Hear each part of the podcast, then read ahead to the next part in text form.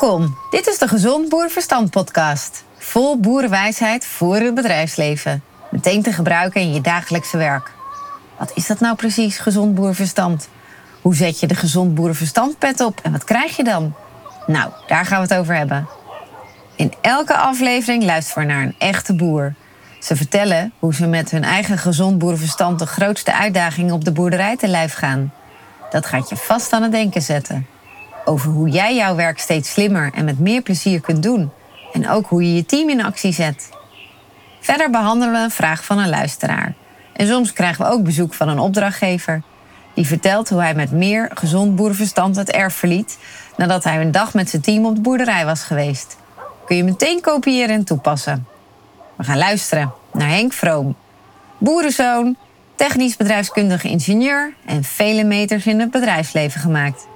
Ondertussen al heel wat teams begeleid, zowel op de boerderij als op de werkvloer. Altijd volle bak gedreven opdrachtgevers te helpen met de vijf pijlers van gezond boerenverstand. Vijf pijlers? Ja, vijf, daar zit alles in. Welke dat zijn? Luister maar.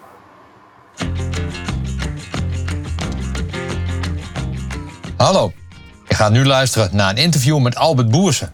Maar voordat we gaan beginnen, zal ik hem eerst introduceren. Albert is opgegroeid op een Fries melkveehouderijbedrijf en daarmee met boerenbloed in zijn aderen. Hij vertelt over de meest belangrijke beslissing in zijn leven, namelijk het verlaten van het ouderlijk nest. Mede omdat hij naast boerenbloed ook de behoefte heeft om zijn roots te delen met anderen. Dat was het begin van een bijzondere boerencarrière. Al tijdens zijn agrarische en bedrijfskundige HBO-opleiding ontwikkelt hij plannen voor een heuse stadsboerderij. Daarmee verdiende hij een nominatie bij de Leeuwarden Courant Awards en werd hij tweede bij de felbegeerde van Hal Larenstein Golden Globes. De wedstrijd waar studenten van de opleiding uitgedaagd worden om vernieuwende plannen te bedenken die de wereld verder helpen. De toon is gezet. Al direct na zijn opleiding gaat Albert een tijd werken als kuddemanager van 200 melkkoeien en bijbehorend jongvee. Helemaal in Mongolië, tussen Rusland en China. Het dunst bevolkte land van de wereld. Komend vanuit Nederland met zijn 450 inwoners per vierkante kilometer naar een land met twee inwoners per vierkante kilometer. Een mooie uitdaging volgens deze nuchtere Fries. Bij thuiskomst in Nederland een korte tussenstop als agrarisch adviseur. Maar al snel door naar een bijzondere boerderij. Dit keer met koeien op drijvende graslanden in de haven van Rotterdam. Oftewel, Albert werd boer van Floating Farm. De eerste drijvende boerderij ter wereld. Dit past goed bij Albert. Burgers met de boerderij verbinden. Om zo voedselverliezen tegen te gaan, transport van voedsel te reduceren en de kwaliteit van het voedsel te verbeteren. Na enige jaren klopte er een nieuw avontuur op de deur, namelijk Herenboeren. Een hagelnieuw boerderijconcept waarbij 200 leden gezamenlijk eigenaar worden van een kleinschalig, agrarisch gemengd bedrijf. Opnieuw ging Albert de uitdaging aan. Hiermee kreeg hij niet alleen de verantwoordelijkheid voor de verzorging van koeien, maar ook van varkens, kippen en het telen van fruit en groenten. Nou, hoe zit je nou als mens in elkaar om dit te willen en te kunnen? Gaat het horen. Let ook eens op welke karaktertrekken van Albert bij jou resoneren. En sta er dan eens bestil hoe jij deze invult. Verder zoomen we in op hoe Albert de vrijwillige leden van de herenboerderij mee laat werken op de boerderij. Het voorbeeld van de kippen geeft duidelijk de kenmerken van Alberts leiderschapsstijl en de manier waarop hij vrijwilligers selecteert en helpt hun dierverzorgingsvaardigheden te ontwikkelen. Kun je veel van leren voor je eigen werk. Daarna spreken we over de belangrijkste verschillen en overeenkomsten tussen het bedrijfsleven en het boerenleven. Je hoort over de invloed van het weer op het karakter van de boer. Interessant om de parallel te trekken naar je eigen werk. Aan het eind vraag ik Albert wat hij onder gezond boerenverstand verstaat. En vertelt hij over een cruciale fout en wat hij daarvan geleerd heeft. Volgens mij vat Albert daarmee zijn levensmotto samen. Misschien dat het jou aan het denken zet over jouw levensmotto. Genoeg inleidende woorden. We gaan luisteren naar Albert Boersen.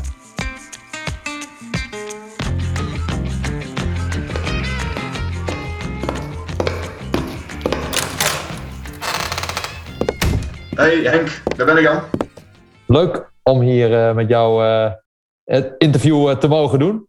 Laat ik maar eens even beginnen met wie is Albert? Ik ben Albert Boersen, geboren op een melkveebedrijf in Friesland. En ik ben op dit moment ja, woonachtig in Schiedam en werkzaam als, uh, als herenboer bij Herenboer Rotterdam. Of Herenboerderij de Vlinderstrik eigenlijk. Dat klinkt interessant. Um, wat, wat, voor boerderij is dat? Wat voor boerderij boer je? Uh, een beetje een bijzondere. Laat ik daarmee beginnen. Ja, um, en, ja, het is eigenlijk het, het gemengde bedrijf wat wij kennen uit de jaren nou, 50, 60 bijna. Maar dan in een, uh, een nieuw jasje. Um, ik ben wel de boer, maar ik ben ook in, in loondienst. Ik ben zelf, geen zelfstandig ondernemer.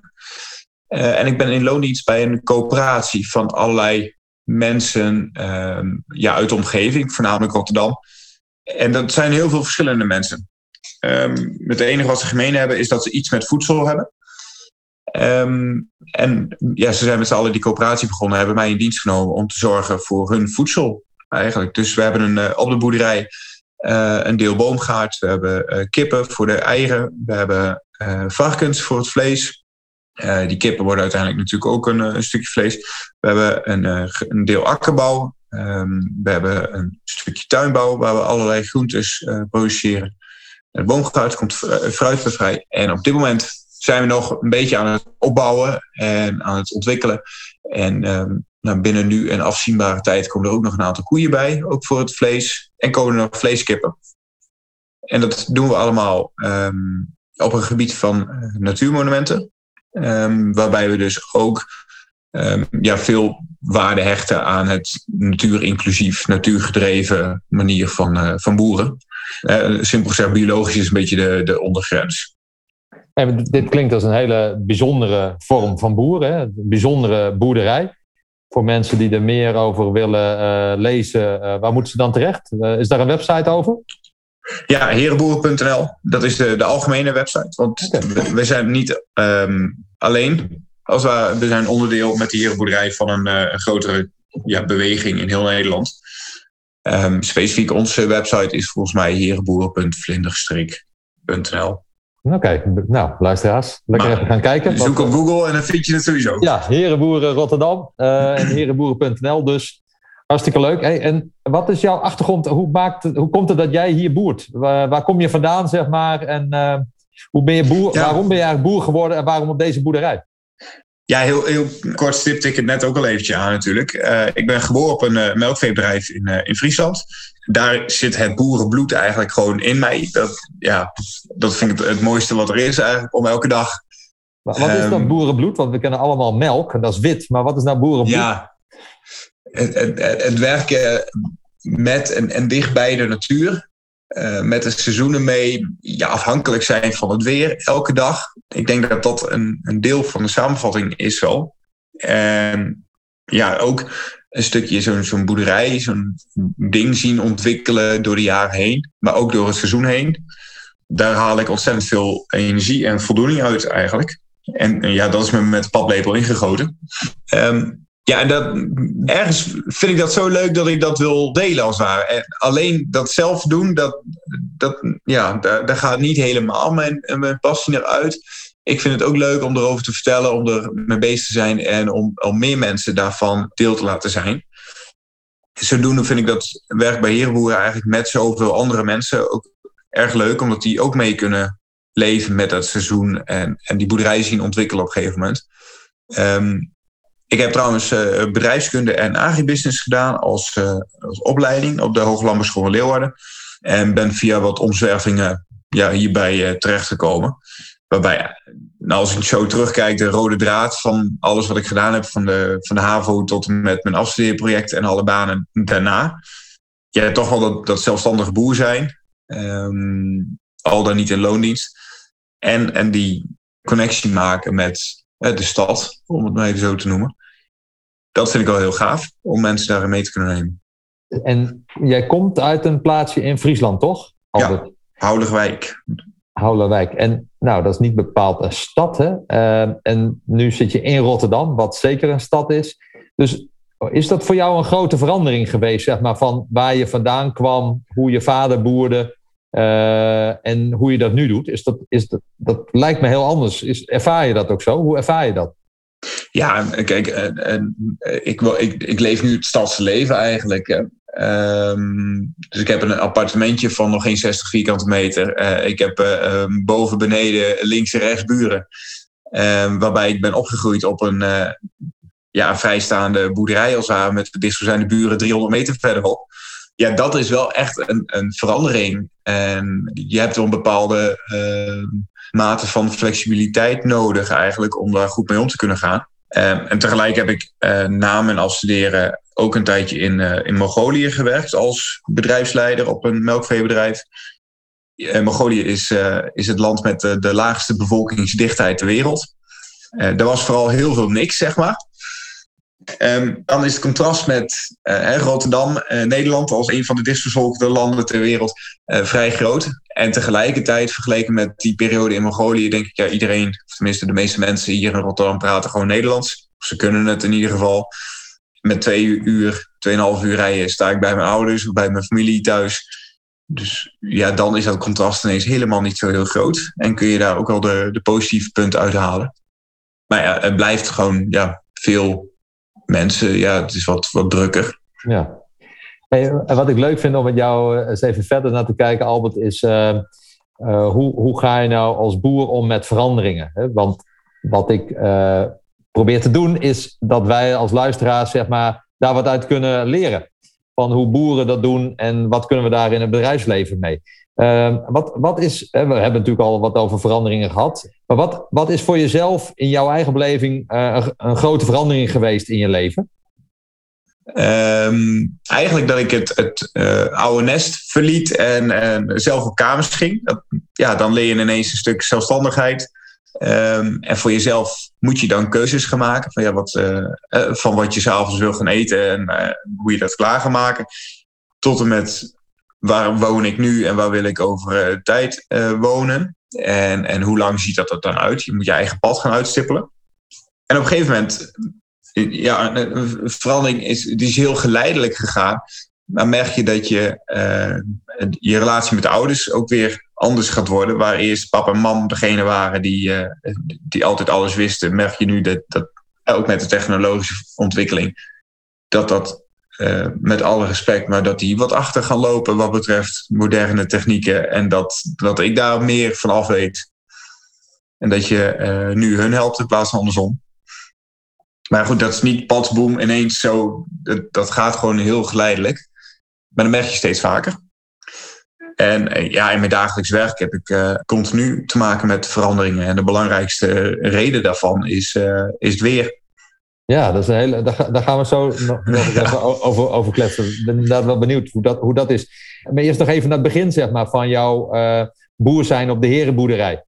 Dat is ook een grote verandering, denk ik. Hè? Een boerderij die er nog niet is, om die op te starten. Wat, wat was daar het meest spannende of, of uitdagendste aan voor jou?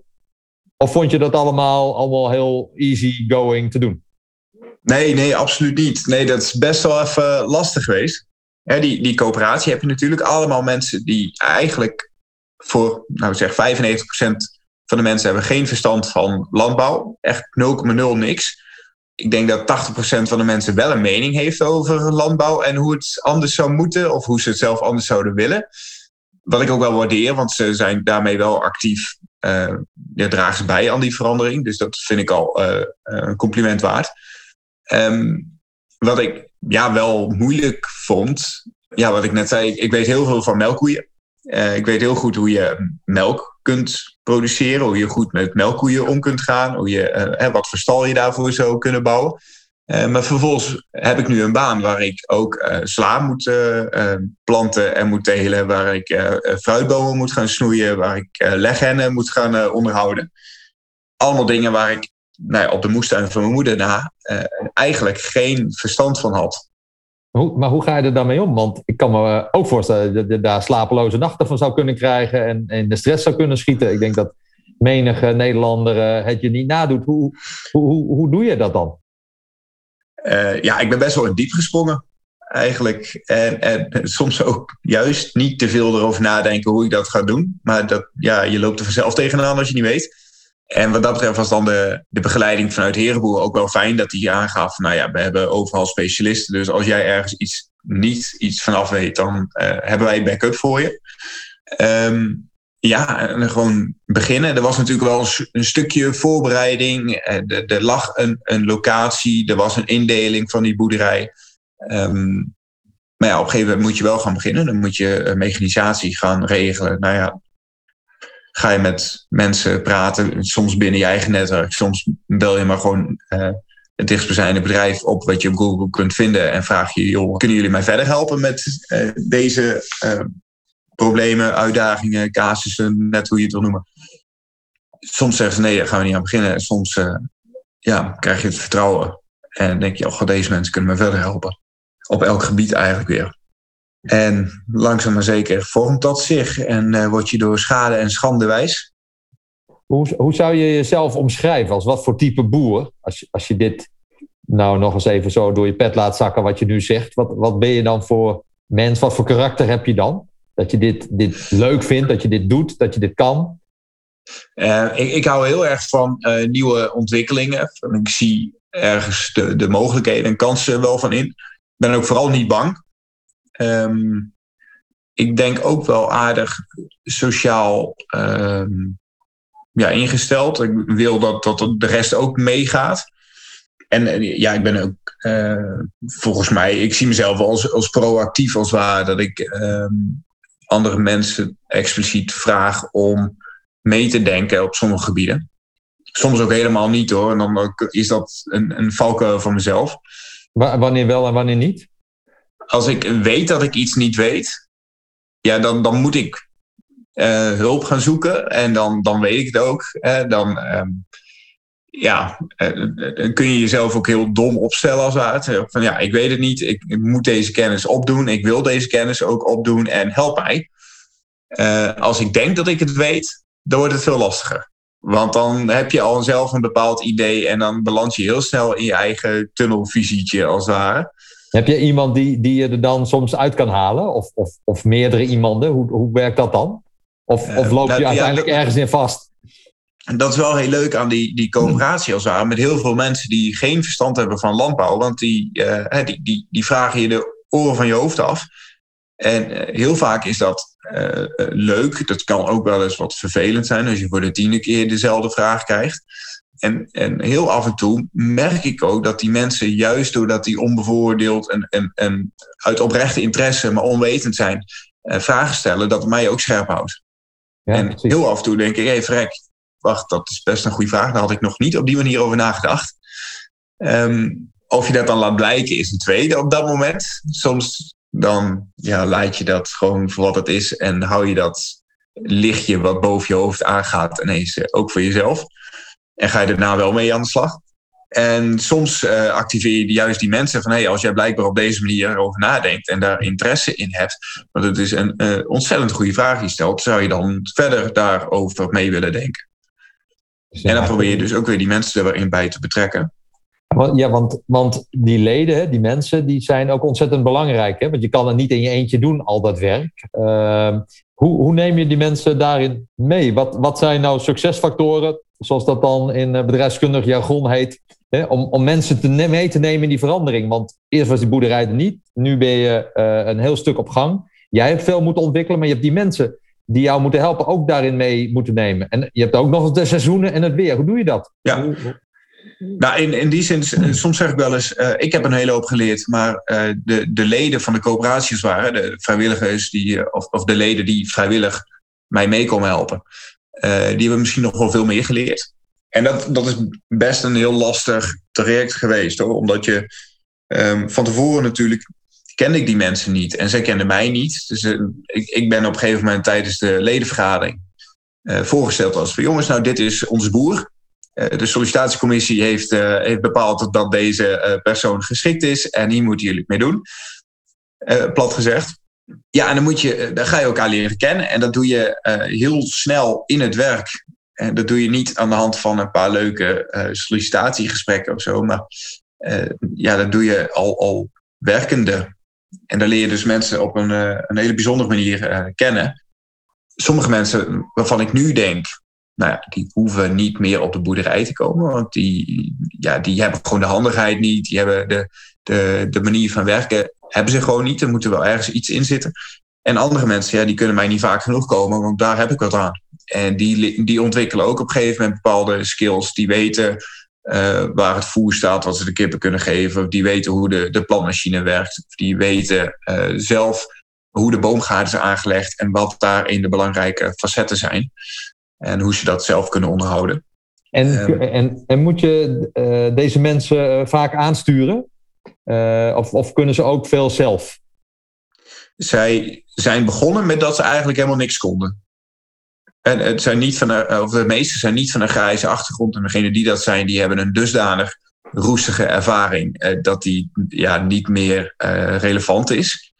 Dus dat hebben ze allemaal zelf wel moeten ontwikkelen. Daar heb ik ze veel bij geholpen. En, en zeker de mensen die aangeven van hey, ik heb uh, één of, of twee dagen of dagdelen in de week tijd om jou vast te komen helpen en ik wil dat voor langere tijd gaan doen, uh, dan was dat voor mij het zijn van hey, dat is de investering waard om die wat meer te gaan uh, helpen en begeleiden, ondersteunen en bepaalde vaste taken te kunnen gaan geven.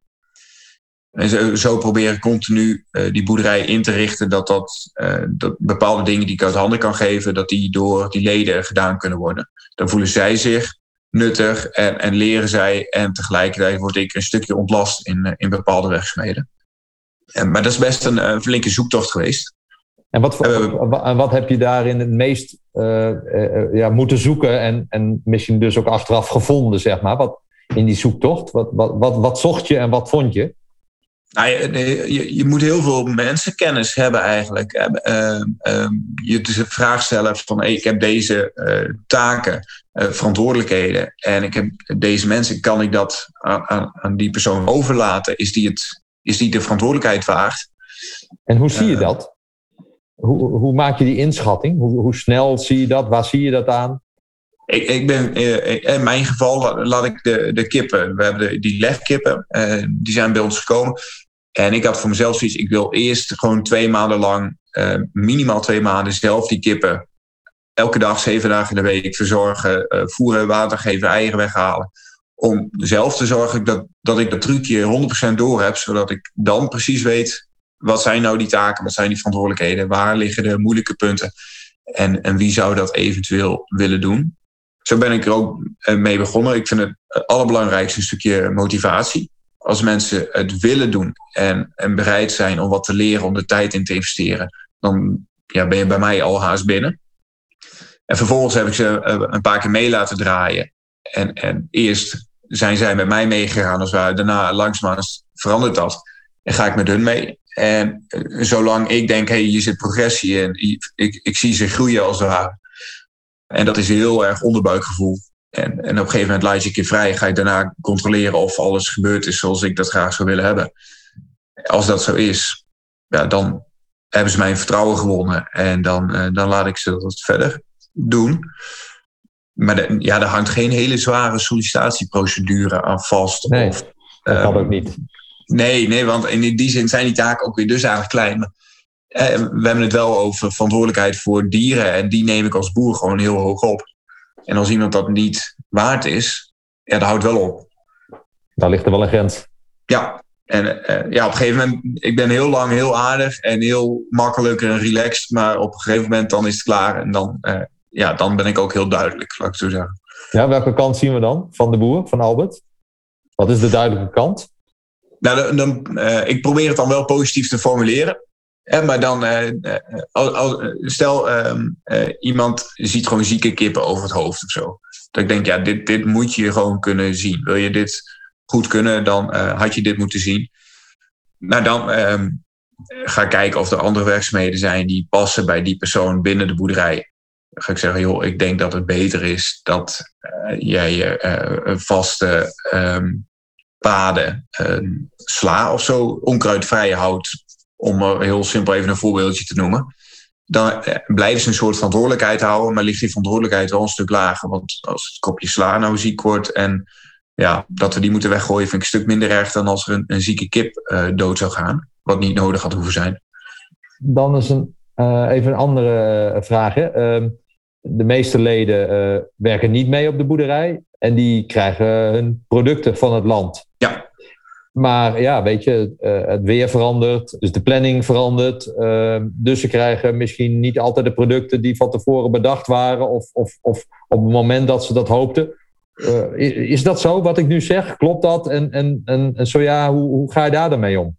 Ja, nou, ik ben afgelopen winter bezig geweest met de, eh, eh, de hele planning voor komende zomer, die ik dus nu eigenlijk aan het uitvoeren ben. En daarin was het idee heel ambitieus om begin mei al producten te gaan uitleveren. dus dan hadden we deze week uitlevering gehad van de eerste oogst. Nou het is een heel koud voorjaar geweest. Dus ja, de gewassen groeien gewoon minder snel dan dat we gehoopt hadden. Um, nou ja, dan is het uh, een, een, heel stuk communicatie naar leden toe. Uh, um, niet direct alleen over de oogst dat dat niet gaat lukken. Maar meer een stukje achtergrond van um, hoe die planten groeien, wat voor voorjaar we hebben, hoe dat in relatie is tot het voorgaande jaar. Want toen hadden we een heel ander voorjaar. En dat dat iets is wat we als boer zijnde, en ik reken hun af en toe ook als boer hoor, want ze zijn lid van de coöperatie, daarmee een stukje eigenaar en, en risicodragend. Dat noem ik dan op die manier ook zo. Ja, en dan ben je dus afhankelijk van het weer en van het seizoen. En ja, het heeft niet zo mogen zijn dat het uh, onze hoop uitgekomen is. Dus ja, de, dan is het logische gevolg ook dat de eerste oogst wat later wordt. Nou ja, uiteindelijk deel je dat ter kennisgeving mee aan, uh, aan de leden. Want ik ga er ook niet iets aan kunnen veranderen. Ik neem dat dan ook niet heel persoonlijk op. Van, ja, ik kan moeilijk het weer veranderen. Um, ik probeer alleen wel te laten zien dat ik uh, alles heb gedaan om het zo goed mogelijk te laten uh, zijn. Maar uiteindelijk is het, uh, ja, het weer wat je dan parten speelt. Of het seizoen. En is dat, is dat voor, de, voor de leden, voor de mensen, is dat voor iedereen even makkelijk te eten, dit verhaal? Te pikken? allemaal mooie metaforen eigenlijk over de boerderij. Maar, ja. gaan ze erin mee? Of, of is er ook een bepaald percentage die daar moeite mee heeft? Het, het overgrote deel uh, is blij met de uitleg en snapt het dan. En uh, denkt, ja, nou ja, dat klinkt wel logisch. Um, een klein deel vindt het ontzettend leuk om die uitleg te horen. En, en maakt het nou, bij wijze van spreken niet eens uit of het nou überhaupt oogst is, maar is gewoon geïnteresseerd in dat verhaal en hoe dat allemaal werkt. En een nog kleiner deel uh, ja, dan krijg je uh, mailtjes van, of dat gaat dan naar het bestuur toe. Van ja, ik betaal wel elke maand contributie en ik betaal dit. En ik, ik, ik krijg dan, het enige wat ik voor terugkrijg is een filmpje of zo, of een, een, een berichtje van Albert dat, dat er geen oogst is, terwijl het wel beloofd was in het plan. Ja, dat zijn de lastige um, berichten, waar je uiteindelijk ook niet zo heel veel mee kan. Want stop, het is wat stop je, is. Waar stop je de meeste energie in? En, en welke, welke type uh, persoon, zeg maar, welk, is dat in deze groep, hè, die dus daar uh, tegenin gaat, die dat niet oké vindt, of uh, in de groep die het wel oké vindt en daarin meegaat? Um, dat is best een lastige vraag. Want ik, ik, probeer in ieder geval, ik denk ook dat, dat de energie die ik erin stop het best tot zijn recht komt bij de de groep die het, het wil horen, die daar um, voor open staat en die je mening je wil veranderen.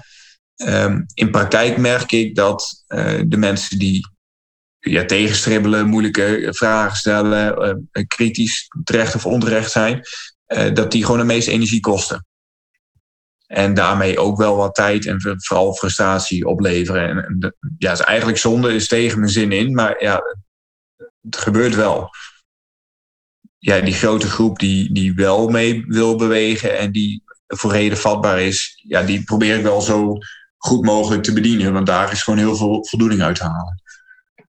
Hey, en is, is er een groot verschil wat jou uh, betreft tussen het boerenleven en het bedrijfsleven? Uh, als we het even op hoog niveau bekijken. En heeft dat misschien te maken, tenminste, daar moet ik aan denken, zeg maar, met, met de seizoenen en de natuur, de afhankelijkheid of, of andere dingen?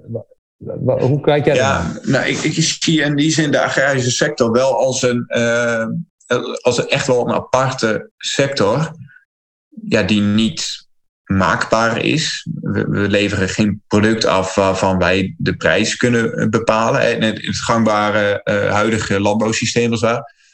En dat, dat klinkt voor een, um, een commercieel bedrijf misschien heel erg gek. Hè, want iedereen kan toch zijn eigen product bepalen.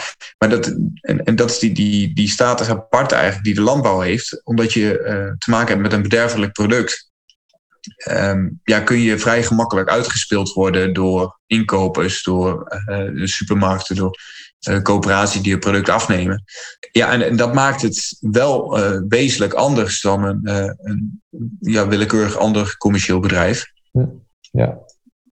En dat, dat is lastig uitleggen soms hoor. Dat je niet ja, baas bent over je eigen prijs in, in grote lijnen. En als ik hem iets, iets kleiner maak en bijvoorbeeld naar de herenboerderij trek, hoe jij omgaat met veranderingen en hoe vrienden van jou die in het bedrijfsleven werken, hoe zij omgaan met veranderingen. Zit daar een, zit daar een verschil in? Een, een manier van kijken naar, naar verandering überhaupt en, en, en acceptatie of geen acceptatie daarvan? Ik denk dat het verschil dan veel. Ja, dan, dan wordt het veel minder. Dat, dat bedoel je met het wordt minder? Nou, dat verschil tussen uh, bedrijfsleven en, en die heerboerderij. En, hoe vrienden um, van mij die uh, in het bedrijfsleven werken, hoe die daarnaar kijken. Of daarmee om moeten gaan. En dan ben je um, je kunt er denk ik best wel de vergelijking trekken tussen uh, mij als boer en een aantal vrijwilligers. Ook al is die dynamiek best wel anders. En een, een, teamleider bijvoorbeeld in het bedrijfsleven die een, een team onder zich heeft wat een verandering door moet gaan maken. Dus heel vergelijkbaar, wil je zeggen? Ik, ik denk dat daar wel ja. overeenkomsten in zitten. Ja. Ja. hoe ga je om met, met weerstand? Hoe ga je om met uh, taken, um, veranderende taken, veranderende omstandigheden misschien ook wel. Passen mensen nog steeds bij wat we willen bereiken met z'n allen? Um, ja, als ik een, een, nieuwe trekker koop die, die van allerlei moderne technieken voorzien is, dan vindt die enige gepensioneerde uh, een man dat misschien niet zo goed meer, terwijl die op mijn oude trekker, die die gewend was uit zijn jonge jaren, prima uit de voeten kon. En dat heb je misschien in, in, een, in een bedrijfsleven ook met nieuwe technieken die um, ja, toegepast gaan worden, waarbij mensen wat moeilijker om kunnen gaan. Wat, wat zouden we nou in het bedrijfsleven kunnen leren van het boerenleven zoals jij dat leidt? Um, ja, ik ben, best wel gewend uh, door die weersomstandigheden, doordat dat, dat niet alles maakbaar is, dat je op een gegeven moment tevreden bent met een uh, ja, maximaal behaald resultaat binnen je context als ware. Uh, ik, als mijn uh, potentiële opbrengst snijmais bijvoorbeeld 50.000 kilo per hectare is. En ik weet dat het seizoen lastig is geweest, kan ik super tevreden zijn met 40 ton. Um, en ik, ik weet dat, dat ik daar dan niks aan kan doen. Dat je dan misschien alsnog wel maximaal uit het seizoen gehaald hebt. Um, maar in het bedrijfsleven, ja, daar werk je natuurlijk niet zo goed in. Zou je misschien in de valkuil kunnen trappen dat je dan denkt, ja, maar er was toch nog dit mogelijk, dus we hebben niet de maximale eruit gehaald. Terwijl je best tevreden mag zijn met een uh, niet maximaal resultaat. Als die context anders is. Ja, dat is wel mooi wat je zegt. En, en herken je dit ook bij uh, sommige vrienden of vriendinnen van jou? Uh, dat het voor hun moeilijker is met, met hun rollen in het bedrijfsleven om die tevredenheid te voelen? Herken je dat uit je eigen netwerk? Ja, ik merk, maar ik weet niet of dat bedrijfsleven en boeren gerelateerd is, maar ik merk dat wel een beetje in mijn eigen generatie. Dat, dat we uh, onszelf ontzettend onder druk zetten om maar het, nou, minimaal het maximale eruit te halen. En als dat dan niet helemaal lukt, ja, dan staat er al iemand anders klaar. Of dan, uh, en, zo willen we dat als bedrijfsleven ook graag over laten komen. Van nou, doe ik minimaal je best, want hè, voor jou tien anderen. En dan kunnen we onszelf waanzinnig veel druk opleggen. Ja, terwijl iedereen soms maar gewoon wat doet. En hoe meer je in, die, ja, in het, dat bedrijfsleven terechtkomt en hoe meer je carrière maakt en erover gaat praten, hoe meer je ook denkt, ja, het is niet allemaal vast in een vormpje gegoten. Iedereen is mens en heeft zijn uh, kwaliteiten en tekortkomingen. Zouden we wat meer moeten accepteren dat, dat we allemaal ook maar wat doen, ook al doen we ons best, hè, maar dat we ook maar wat doen en proberen er het beste van te maken? Ja, ik denk dat dat een hele wijze les is. Ik ben er elke dag mee bezig. Vanmiddag nog dat er ineens een bui komt, ja, dan moet je stoppen met, uh, met zaaien. Want die klei die begint te plakken zodra er een millimeter water op komt. Ja, dan heb ik het maximaal uit de dag gehaald. Maar ik heb niet gedaan wat ik wilde eigenlijk. Maar ja, kan ik mezelf niet verwijten. Dat eh, zouden we wel vaker mogen doen. Hey, als je nou terugkijkt op de afgelopen periode uh, bij Herenboeren. Wat is de grootste fout die je hebt gemaakt? Uh, en waar je misschien ook het meest van geleerd hebt? Um, dat is best een, uh, een goede vraag ook al. En ik ga natuurlijk niet zeggen dat ik geen fout heb gemaakt, want die, die zijn er wel degelijk gemaakt. Um, ik denk toch dat je sommige dingen dan niet goed genoeg van tevoren um, hebt doordacht. En dan toch te vaak in het moment weer ergens op vastloopt, wat ja, op, op zo'n moment dan achteraf wel beter voorbereid had kunnen zijn. En is er ook, ook een concreet voorbeeld wat er dan bij je opkomt? Of concrete voorbeelden? Nou, uh, ja, ik heb uh, uh, vorig jaar, we hadden een redelijk beperkt budget voor mechanisatie, machines aankoop. En bij het mechanisatiebedrijf, waar we onder andere ook de trekker kochten, stond ook een plantmachine te koop. een dingetje wat nou oud ijzerprijs en een klein beetje meer was. Maar goed, het heette plantmachine. Ik wist eigenlijk niet heel veel beter dan dat ik een plantmachine nodig had. Dus, en die dingen die blijken er in vier, vijf verschillende soorten te zijn. Maar ik dacht, nou, voor, voor die 300 euro dat hij me dat aanbood, prima, dan heb ik het. Kan ik hem afvinken. Um, vervolgens zijn we daarmee aan het uh, proberen geweest. Nou, die, die was zo oud en, en krakmikkerig eigenlijk dat die uh, uh, nou 10, 20 procent van, de, van het plantgoed wat we hadden al kapot maakte voordat het überhaupt de grond in zat. Laat staan dat er nog droogte aankwam of uh, dat soort dingen. En op dat moment, uh, ja, dat heeft uh, een maandje of twee geduurd. En toen hebben we een, een fatsoenlijke plantmachine gekocht. Die wel doet wat hij moet doen. Die ook nog een stuk hogere capaciteit had. Waar mensen met meer plezier op zaten. Waar het resultaat beter was. Wat een, een, een flinke investering was. Maar goed. achteraf denk ik, die hadden we vanaf het begin af aan moeten hebben. Had je, had je hoop, hoop tijd en moeite bespaard? Ja, en, ook frustratie en, uh, en shit van ja, hoe gaat dit, uh, hoe moet dit nou nu? Want het gaat helemaal niet goed op deze manier.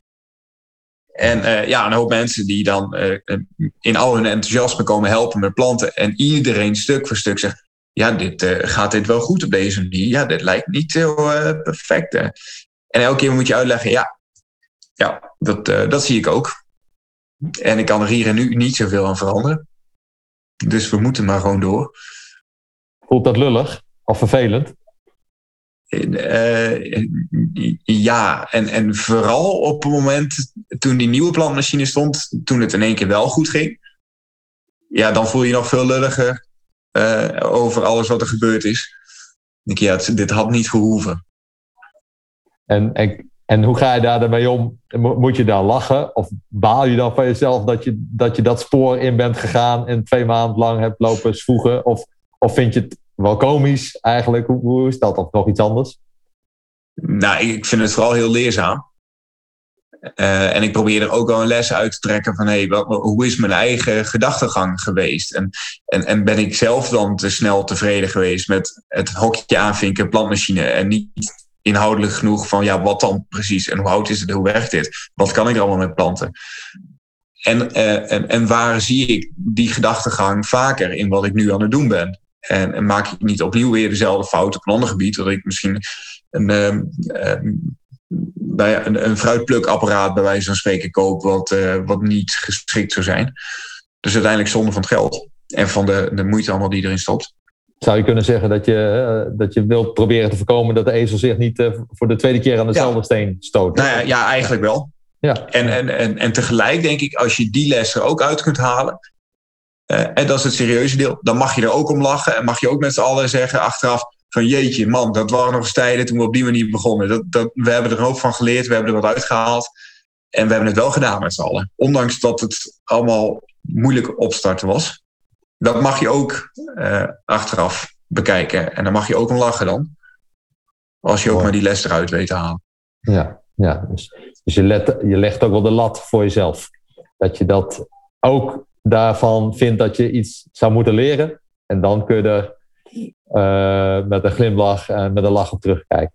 Dat ja, maar als je, als je het alleen maar kunt weglachen en zo, dan heb je er niks aan. Dan ga je de fout weer maken. Dat, dat is eeuwig zonde. Dan kom je niet vooruit, vind ik. Nee. Nee, maar daar gaat het om, vooruitkomen. Toch? Ja, nou ja, die, die boerderij die moet ontwikkelen. En uh, ja, daar moet je je fouten voor maken misschien wel. Van je fouten leren. In mijn studietijd zei ik nog wel eens, oh, daar ga ik zoveel mogelijk fouten maken, want dan leer ik tenminste veel. En in essentie is dat ook wel waar. En tegelijk zijn bewust fouten maken misschien ook niet het allerbeste idee. Heb jij, heb jij een voorbeeld als, als, uh, waar jij uh, naar opkijkt of waar je denkt, oh, als ik het ook zo als hem of haar zou kunnen. Heb jij zo'n voorbeeld? Nee, niet direct eigenlijk. Ik heb heel veel mensen die ik wel inspirerend vind. En, en dat zijn vooral de ja, boeren die wat doen waar ik, waarvan ik denk, god, daar zit wat in. Die, eh, die hebben een idee, die hebben een visie, die, willen, die, die weten waar ze mee bezig zijn. Maar er zijn geen bekende mensen of zo. Ik heb geen uh, Steve Jobs. Maar zijn het bekende boeren? Nou, nee, niet direct. Nee, maar jij kent ze wel? Ik ken ze wel, ja. En ik vind ze interessant om te volgen. Ik, ik heb met, uh, met een aantal daarvan ook zelf wel goed contact. Uh, en dat is een klein wereldje. En, en, en, tegelijk word ik misschien ook wel zo bekeken van, nou ja, dat is wel een interessante uh, persoon die ook een idee heeft. Um, maar nee, als je het hebt over bekende mensen of zo, heb ik geen. Uh, nee. nee. Hey, wat is volgens jou gezond boerenverstand? Het eerste woord wat er in mijn hoofd komt is een stukje nuchterheid. En niet te snel in paniek raken. Ook niet te snel overenthousiast raken. Um, een beetje down to earth blijven. Uh, wel serieus zijn. Um, iets in de wereld een beetje mooier willen maken. Dat, dat, op een goede manier. Um, maar wel realistisch. Uh, maar, je mag best idealistisch zijn, maar, maar je moet niet te, te, te zweverig worden. Het moet wel haalbaar blijken. Want het moet wel gebeuren.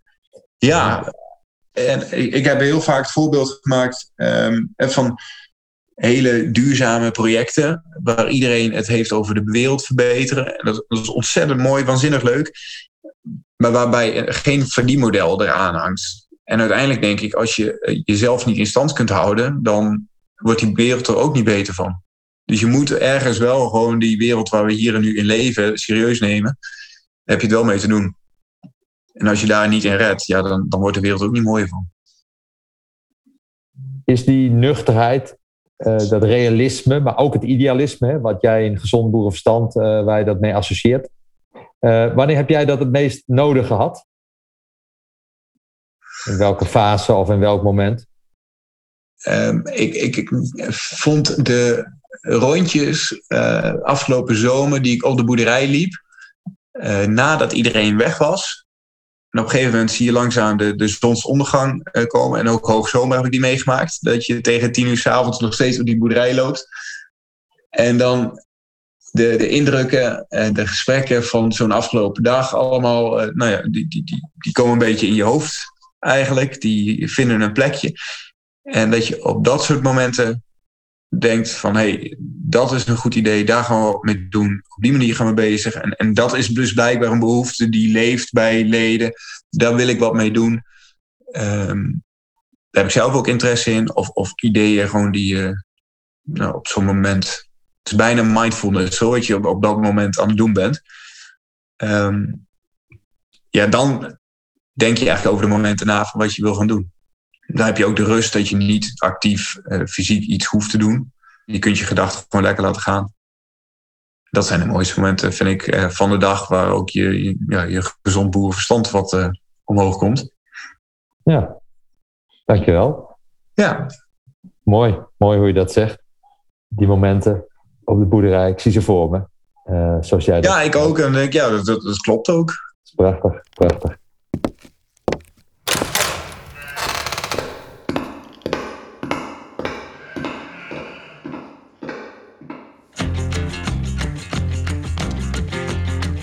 Jongen, beste luisteraar. Ik ben er nog even stil van. Wat een mooi verhaal van Albert. Over zijn drijfveren, over zijn karaktertrekken, zijn leiderschapsstijl. Over wat gezond boerenverstand voor hem betekent. En wat in essentie zijn levensmotto is. Dat zet je toch aan het denken. Over hoe dat bij jou zit. Of bij de mensen waar je mee samenleeft of werkt. Ik ga een paar zaken nog even eruit lichten. Zaken die volgens mij essentieel zijn om over jezelf te weten. En waarbij Albert een mooie inkijk gaf in hoe dat voor hem werkt. Bijvoorbeeld toen hij vertelde over zijn karakter en aangaf dat hij proactief is als hij weet dat hij iets niet weet. Mooie zin ook, als ik weet dat ik iets niet weet. Op dit soort momenten is het niet moeilijk om op zoek te gaan naar kennis, naar hulp, zegt Albert. Het wordt echter veel lastiger als je denkt dat hij het weet. Vanuit je eigen idee beland je dan al heel snel in een tunnelvisie. Denk dat je het weet en gaat niet meer op zoek naar kennis of hulp. Of onbewust pas je hetgeen je hoort zo aan dat je vooral bevestigd krijgt wat je zelf al dacht. Beste luisteraar, hoe is dit voor jou? Volgens mij is het pure wijsheid als je als mens in staat bent het verschil goed te kennen tussen wat je echt weet en wat je niet weet, maar waar je wel allerlei aannames misschien over hebt. Daarover eerlijk te zijn naar jezelf en, zo mogelijk nog uitdagender, eerlijk over te zijn naar anderen. Sta eens stil bij hoe vaak het botst tussen jou en anderen op dit punt. Albert gaf aan dat het hem helpt dat leden met weinig of geen verstand van zaken hem allerlei vragen stellen. Sommige daarvan had hij dan zelf nog niet over nagedacht. Die vragen helpen hem verder te denken dan hij had gedaan. Wat ik heel interessant daarbij vond was dat Albert aangaf dat er soms een lichtje boven zijn hoofd aangaat en dat hij dan de keuze maakt om dit lichtje wel of niet te delen. Ik denk dat de meesten van ons dat wel kennen. Dat je een inzicht krijgt tijdens een gesprek, maar dat je je tegelijkertijd afvraagt of je er open over gaat zijn dat je het inzicht zojuist pas gekregen hebt of niet. Immers, het delen ervan maakt duidelijk dat je iets niet wist, maar pas net door hebt. Door het voor jezelf te houden, houd je de schijn intact dat je alles weet. Voorbeeld. In een gesprek over werk dat gedaan moet worden, geeft je collega aan dat het verstandig is om dit af te stemmen met een andere afdeling. Je hebt het zelf nog niet bedacht, maar vindt het wel een goed idee van die collega. Je hebt dan drie opties. 1. Aangeven dat je dit nog niet bedacht had, maar wel een goed idee vindt. Oftewel, je bent open over jezelf. 2. Dat je het ook een goed idee vindt. Oftewel, je bent gesloten. Of 3. Dat je het ook een goed idee vindt en dat je het zelf ook al had bedacht. Oftewel, je bent aan het liegen. Dit brengt me bij het model wat het Johari-window wordt genoemd. Het Johari-window is een schema bedacht door Joseph Luft en Harry Ingham in 1955 om beter te snappen hoe gedrag tussen mensen werkt. Johari-window. Jo komt van Jozef, Harry van Harry. Zo is de naam dus ontstaan. We zijn inmiddels heel wat decennia verder, maar dit schema is nog steeds even waardevol. En vooral ook heel helder. Hoe ziet het schema eruit? Teken in je gedachten een x-as en een y-as. Op de x-as heb je twee mogelijkheden. Gedrag wat bekend is bij jezelf en gedrag wat niet bekend is bij jezelf. De y-as heb je ook twee mogelijkheden. Gedrag wat bekend is bij de ander en gedrag wat niet bekend is bij de ander. Om het eenvoudig te houden in dit voorbeeld raad ik je aan om uit te gaan van je eigen gedrag. Dit eigen gedrag kan bekend zijn bij jezelf of niet bekend zijn bij jezelf. Voorbeeld, je geeft van nu en dan collega's bewust een compliment. Maar wat je misschien niet weet, is dat je ook vaak een frons trekt in je gezicht en kritische vragen stelt als iemand iets zegt. Dat laatste gebeurt dan onbewust. Dan een voorbeeld van gedrag wat bij de ander wel of niet bekend is. Je toont op kantoor vaak aandacht voor je collega's, hun gevoelens en wat ze bezighoudt. De collega's kennen je dan ook als een sociaal iemand. Wat ze bijvoorbeeld niet weten is dat je thuis bij je gezin nogal eens afsluit van alles wat er speelt en vooral gefocust bent op hetgeen moet gebeuren. Je bent thuis vooral gefocust op de taken die gedaan moeten worden. Misschien dat je dat liever voor jezelf houdt en dus niet bekend is bij je collega's. Als je dit schema in zou vullen, krijg je vier kwadranten. Bekend bij jezelf en bij de ander. Dit noemen we de arena. Hier vindt de communicatie plaats die bekend is bij beide partijen. Niet bekend bij jezelf en wel bij de ander. Dit noemen we de blinde vlek. Bekend bij jezelf en niet bij de ander. Dit is dus het deel dat we niet aan de anderen laten zien. Noemen we daarom het masker. En niet bekend bij jezelf en niet bij de ander. Dat is het onbekende. Ook wel je potentie. Immers hier kunnen nog allerlei kwaliteiten zitten die nog niet ingezet zijn en wel ontwikkeld kunnen worden. Om als mens je te ontwikkelen helpt het om je van deze kwadranten bewust te zijn en hoe deze voor jou eruit zien. In het algemeen kun je stellen dat je als mens je verder ontwikkelt door de arena groter te maken. Oftewel, je leert steeds meer over jezelf en je laat steeds meer zien van jezelf. Je weet steeds beter wat je kunt, waar je energie van krijgt en je bent steeds minder bang om buiten de boot te vallen of anders te zijn dan anderen. Hierdoor wordt de arena dus groter en daarmee automatisch de blinde vlek, het masker en misschien ook wel het onbekende kleiner. Je wordt een steeds vollediger mens en je durft het ook te tonen aan de wereld. Wil je meer weten over Johari Window? Ga er maar eens eens op googlen. Terug naar Albert. Het liedje waarover hij sprak ging dus over het masker. Hij stelde zich daarbij als het ware de vraag: zet ik mijn masker af of houd ik het op? Alle mensen, ik, jij als luisteraar, wij allemaal functioneren volgens deze vier kwadranten. De grootte van de kwadranten verschilt per mens, maar we hebben ze allemaal. Ik zou je aanraden om met dit bewustzijn eens opnieuw naar jezelf te kijken de komende tijd. Waar ben jij open over? En waar zet jij je masker op? En wat weet je allemaal nog niet? Heel interessant toch? Dat zal je helpen om met meer gezond boerenverstand de zaken aan te pakken. Succes!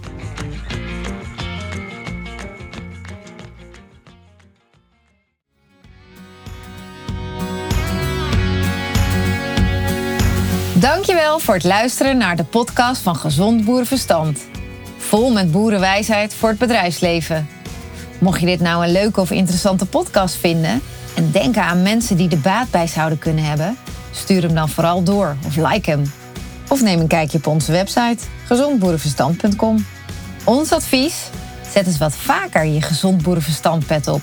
En wees vooral benieuwd naar het verschil dat je daarmee gaat maken. Veel succes en tot de volgende keer!